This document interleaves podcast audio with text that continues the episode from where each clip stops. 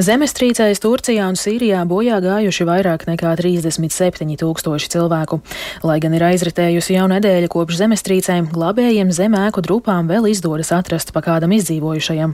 Tomēr daudz vieta palīdzība joprojām nav ieradusies, un īpaši slikta situācija ir katastrofas skartajos rajonos Sīrijā. Vairāk stāsta Uldis Ķezberis.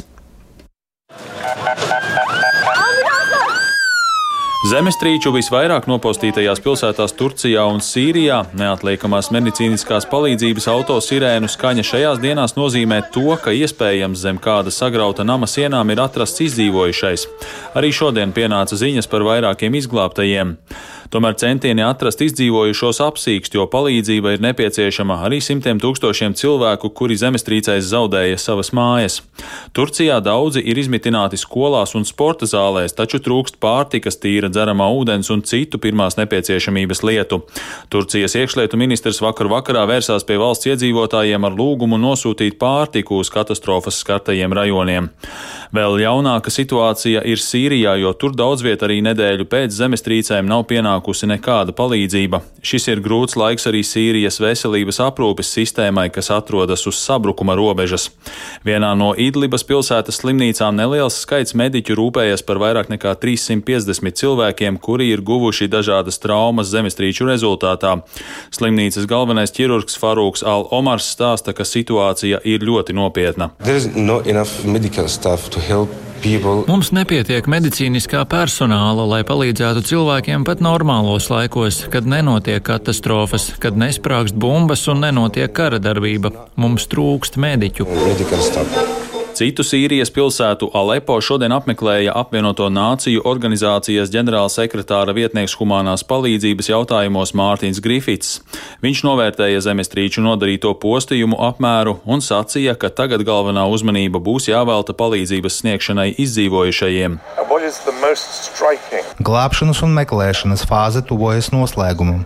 Tagad mūsu pienākums ir nodrošināt pajumti, psihosociālo aprūpi, pārtiku, izglītību un sniegt šiem cilvēkiem sajūtu, ka viņiem ir nākotne. Zemestrīču vissmagāk skartās vietas Sīrijā šajās dienās apmeklējis arī ANO paspārnē esošās Pasaules veselības organizācijas ģenerāldirektors Tedros Sadanoms Gebrejesus. Pasaules veselības organizācija ir aicinājusi starptautisko sabiedrību piešķirt Turcijai un Sīrijai 43 miljonus dolāru palīdzības sniegšanai zemestrīcēs cietušajiem. Uldis Česberis, Latvijas radio. Arī Turcijas studenti Latvijā ikdienu seko līdzi situācijai Turcijā. Par to, ar kādām sajūtām viņi raugās uz notiekošo un ko viņiem nozīmē Latvijas atbalsts, plašāk Agnijas Lazdeņas ierakstā. Like es gribu, lai viņi atvainojas par lielo postu, kas tika radīts, jo parasti Turcijas iedzīvotāji ir tie, kas visvairāk rīkojas zemestrīču vai citu problēmu gadījumā. Viņi nedarīja pietiekami daudz. Ceru, ka tas mainīsies.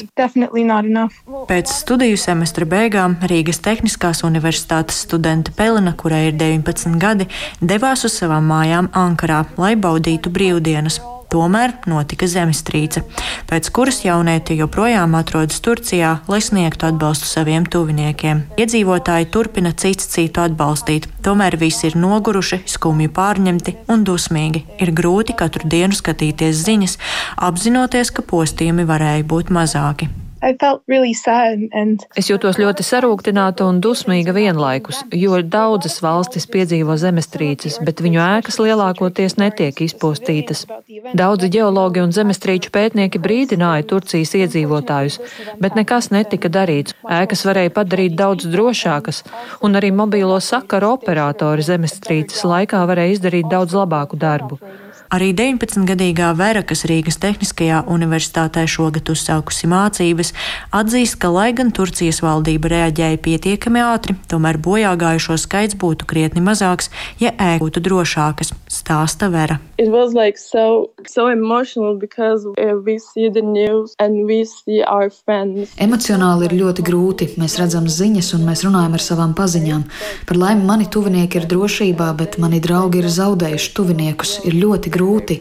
Es pat domāju, kā es varu atgriezties uz universitāti Latvijā, kamēr tik daudz cilvēki cīnās par savu dzīvību šeit.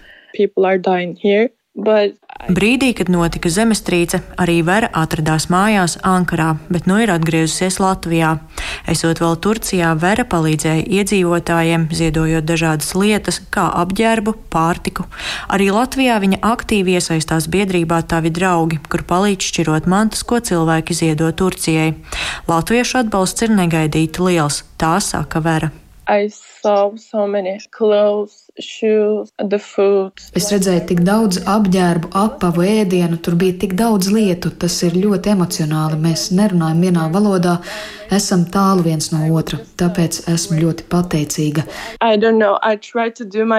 Abas studentes uzsver, ka katra palīdzība Turcijai šobrīd ir vajadzīga, jo ziedotās lietas ne tikai ļauj pārdzīvot grūtos laikus, bet arī liek apzināties, ka cilvēki nelēmē nav atstāti vieni. Agnija Lazdiņa, Latvijas radio.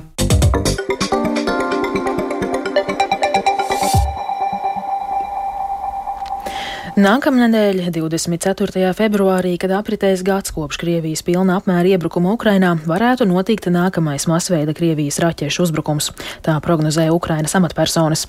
Tikmēr Moldovas prezidente Māja Sandu šodien paziņojusi, ka Krievija plāno Moldovā veikt valsts apvērsumu un šim nolūkam izmanto par civiliedzīvotājiem pārģērbtas militārpersonas. Plašāk stāsta Rihards Plūme.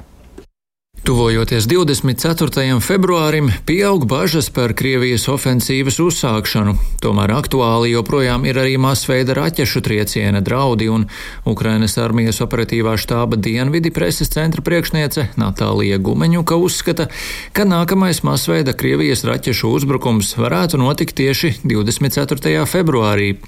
Viņa tā uzskata tādēļ, ka Krievija mīlot simboliskus datumus, bet arī tāpēc, ka tas ir vidējais intervāls starp uzbrukumiem. Pēdējais no masveida raķešu uzbrukumiem notika 10. februārī. Viņa arī norādīja uz Melnajā jūrā dežūrējošo Krievijas kuģu skaitu. Tur tagad ir izvesti 12 kuģi, tostarp divas kalibra raķešu zemūdenes. Pēc pēdējā Krievijas raķešu trieciena turpinās darbi enerģētikas infrastruktūras atjaunošanai. Tomēr elektroenerģijas pārtraukumu grafiki tiek piemēroti tikai dažviet. Tikmēr Moldovas prezidente Maija Sandu šodien izteikusies, ka Krievija plāno Moldovā veikt valsts apvērsumu. Vēl nesen Zelenskis pavēstīja, ka Ukraina pārtvērusi Krievijas slepenā dienesta plānus iznīcināt Moldovu. Kā skaidroja Sandu, apvērsuma īstenošanai Maskava var izmantot opozīcijas protestus, iesaistot cilvēkus ar militāro apmācību, kā arī Krievijas, Baltkrievijas un Balkānu valstu pilsoņus. Šiem cilvēkiem būtu jāuzbruk valdības ēkām, lai mainītu varu valstī. Moldova Moldovas izlūkošanas un drošības dienests apstiprinājis, ka Krievija cenšas destabilizēt Moldovu. Prezidente norādīja, ka Moldovas parlamentam pēc iespējas ātrāk būtu jāpieņem likumprojekti, kas nodrošinās izlūkošanas un drošības dienestam, kā arī prokuratūrai, nepieciešamos instrumentus, lai efektīvāk cīnītos ar riskiem valsts drošībai. Rihards Plūme, Latvijas radio. Valsts valodas centra Latviešu valodas ekspertu komisija Ukrainas nacionālo valūtu latviešu valodā iesaka saukt par hrivnu, nevis par grivnu kā līdz šim. Tāpat eksperti iesaka padomju varas mākslīgi izraisīto badu pagājušā gadsimta 30. gados Ukrainā dēvēt nevis par golodomoru, bet gan par holodomoru, atbilstoši šī vārda izrunai ukraiņu valodā.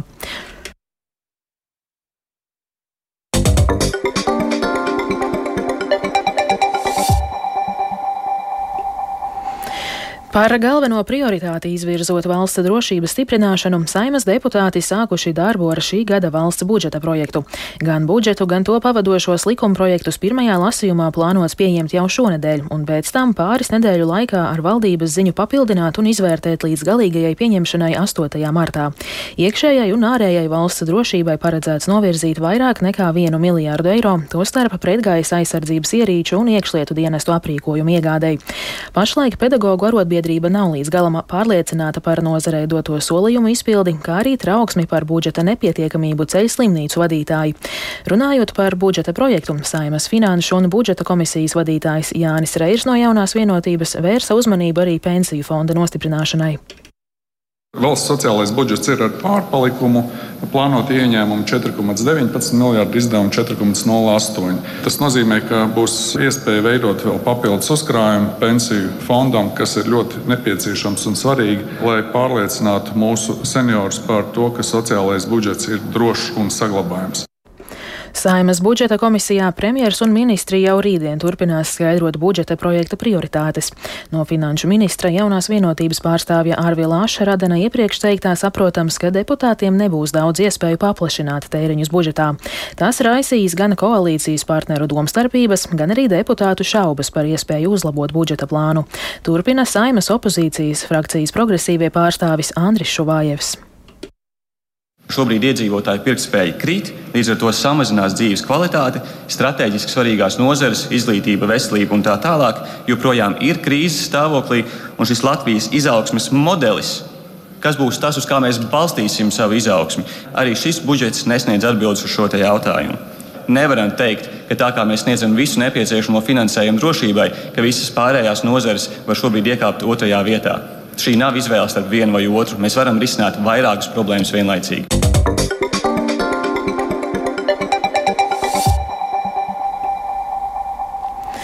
Šajā nedēļas nogalē Siguldā norisināsies pasaules kausa posms bobslejā un skeletonā. Sezonas sākumā šajās sacensībās iecerējis startēt bija Tomas Dukurs, bet janvāra beigās viņš paziņoja par karjeras beigām. Pirms diviem mēnešiem viņam veica operāciju abiem cirkšņiem.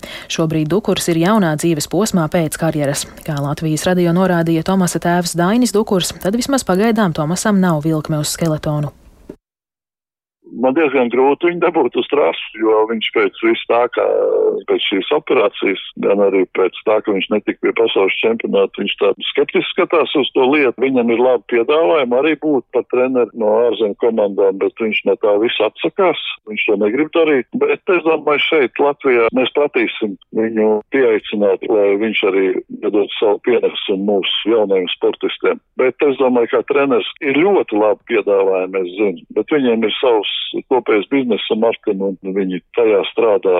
Tagad arī es zinu, ka pirms treniņa viņi bija abi darbā savās darba lietās. Ar to izskan 13. februāra dienas ziņas. Producents Viktors Pupiks ierakstus montēja Renāša Steimanis, pieskaņu pulcīvete zvejniece, bet studijā Laura Zaķa. Īsumā par svarīgāko zemestrīcēs Turcijā un Sīrijā bojā gājuši vairāk nekā 37 tūkstoši cilvēku. Krievija plāno Moldovā veikt valsts apvērsumu, tā paziņojusi Moldovas prezidente Māja Sandu. Saima sāk darbu ar šī gada budžetu. Vēl tikai par laikapstākļiem. Yeah.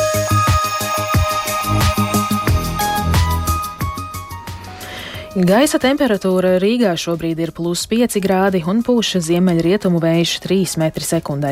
Atmosfēras spiediens 769 mm, bet relatīvais gaisa mitrums 81%. Šonakt Latvijā būs mainīgs mākoņu daudzums, bet nokrišņi nav gaidāmi. Vietām rietumos veidosies bie bieza mīglā ar redzamību no 100 līdz 500 metriem. Pūtīs ziemeļrietumu rietumu vējš 3,8 m2, bet gaisa temperatūra - mīnus 3 plus 2. 2 grādi. Bet par to, kāds laiks gaidāms turpmāk, stāsta Toms Brīcis. Šonadēļ temperatūras režīms Latvijā būtiski nemainīsies, saglabājot marta sākumam raksturīgu siltumu. Dienās temperatūra lielākoties 0,5 grādu robežās, otrdien vietām kurzemē līdz plus 6, plus 8 grādiem, bet valsts austrumos dažās dienās nebūs siltāks par 0,2 grādiem. Savukārt naktīs temperatūra visā valstī būs tuvu nulei, trešdien agrā rītā vietām austrumos līdz minus 7 grādiem. Nedēļas nogalē parādīsies nokrišņi, gan lietus, gan sniegs, bet līdz tam laiks būs pārsvarā sauss dažos rītos miglains.